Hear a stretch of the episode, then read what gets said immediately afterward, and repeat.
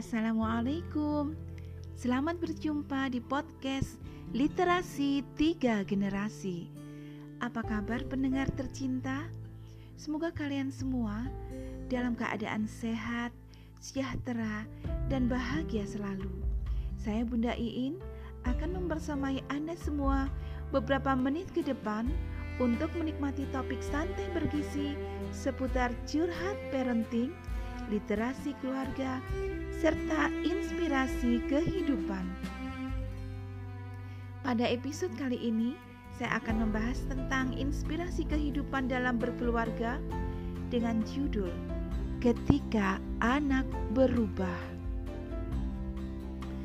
Ketika anak berubah, apakah yang harus dilakukan orang tua saat orang tua terjebak situasi sulit tentang perilaku anaknya yang jadi aneh, bin tidak lazim? Tak biasanya tabiatnya seperti itu, bikin shock saja. Pernah menemui situasi demikian? Nyaris semua orang tua pernah menemui kasus serupa itu. Dari anak yang dekat dan lengket, tiba-tiba menjadi tertutup, menghindari orang tuanya. Semula polos dan lurus, menjadi pembohong lihai. Dari anak yang manis, tiba-tiba jadi pemberontak ada pula yang semula taat dan sabar, berubah jadi sensitif dan sangat kasar pada orang tuanya, seolah menjadi orang asing yang sulit dikenali. Sebagai orang tua, kita jadi sedih dan terpukul ya. Kenapa kau nak? Secara spontan, orang tua yang baik akan langsung istighfar lalu introspeksi diri. Mengapa ini terjadi? Seiring perasaan sedih, dan kehilangan. Mana anak salehku dulu? Ada konsultan parenting yang berpendapat bahwa itu terjadi karena ada hutang pengasuhan yang belum ditunaikan. Pendapat ini ada benarnya. Rata-rata persoalan yang muncul pada anak bisa dirunut akar permasalahannya pada diri orang tua. Bagus jika orang tua secara proporsional membenahi sikapnya. Yang tidak boleh adalah jika kemudian orang tua menjadi terpasung perasaan bersalah yang terlalu dalam. Kemudian mereka kehilangan visi kepengasuhan, justru malah memberikan kompensasi atau kelonggaran yang berlebihan pada sang anak. Tentu saja hal ini akan membawa keluarga itu pada permasalahan baru. Ada pula orang tua yang merasa telah melangkah di rel yang benar, sudah merasa meminimalisir atau menghindari zona hutang kepengasuhan.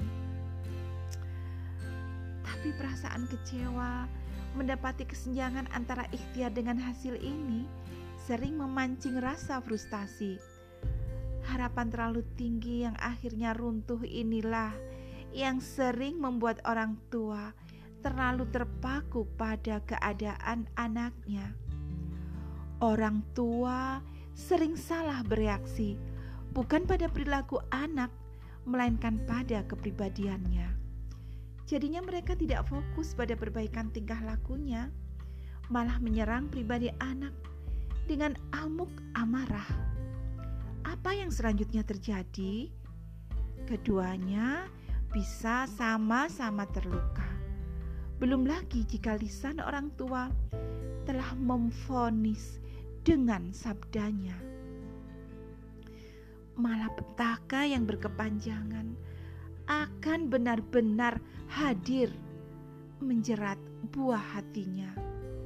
Sejak itu, orang tua pun sulit meraih ketenangan tak ada lagi rasa saling mempercayai. Nah, pemirsa, bagaimana tuntunan Allah tentang keadaan ini? Ngeri, peringatannya keras dan gamblang. Hati orang tua yang naif pasti akan jadi patah dan apatis. Namun ada hikmah yang besar dari peringatan itu. marilah kita baca terjemah ayat surat At-Taghabun surat ke-64 ayat 14 Hai orang-orang mukmin sesungguhnya di antara istri-istrimu dan anak-anakmu ada yang menjadi musuh bagimu maka berhati-hatilah kamu terhadap mereka dan jika kamu memaafkan dan tidak memarahi serta mengampuni mereka, maka sesungguhnya Allah Maha Pengampun lagi Maha Penyayang. Ayat ini ditujukan untuk kita para orang tua tentang peluang permusuhan dengan anak. Padahal tentu tak ada anak yang terlahir untuk bermusuhan dengan orang tua yang mencintainya. Banyak faktor pemantik ataupun insiden memilukan yang mengawalinya. Menggiring orang tua dan anak pada suasana pahit itu. Tapi Allah segera menguncinya dengan petunjuk bagaimana orang tua harus bersikap. Bukan dengan lawanlah, hukumlah, atau habisilah. Dengan bahasa akal dan nafsu semata, penjelasan dari Allah ini sulit diterima. Anak sudah tampak membangkang dan menyakiti hati orang tua. Kenapa tidak boleh dibalas dengan yang setara?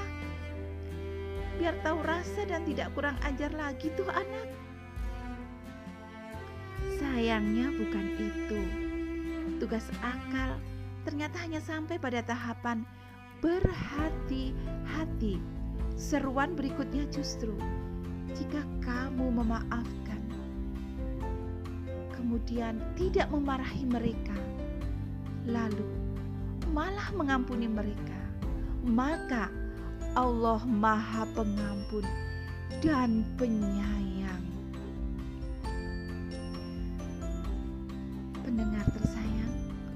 Ketiga poin itu akan terasa pahit dicerna akal karena memang bukan bahasa akal. Menghadapi kesalahan dan kedurhakaan anak dengan ketiga poin itu hanya bisa dicerna dengan bahasa kalbu. Apalagi jika sampai pada mengakses sifat Maha Pengampun dan Maha Penyayang Allah dengan kebaikan-kebaikan yang disebutkan itu.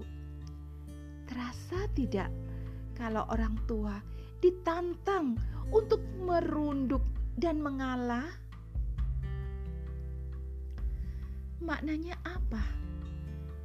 Maknanya orang tua bisa menjadikan tuntunan pada ayat ini sebagai cahaya petunjuk saat mereka tak berdaya dan mati gaya dengan perilaku anak-anaknya.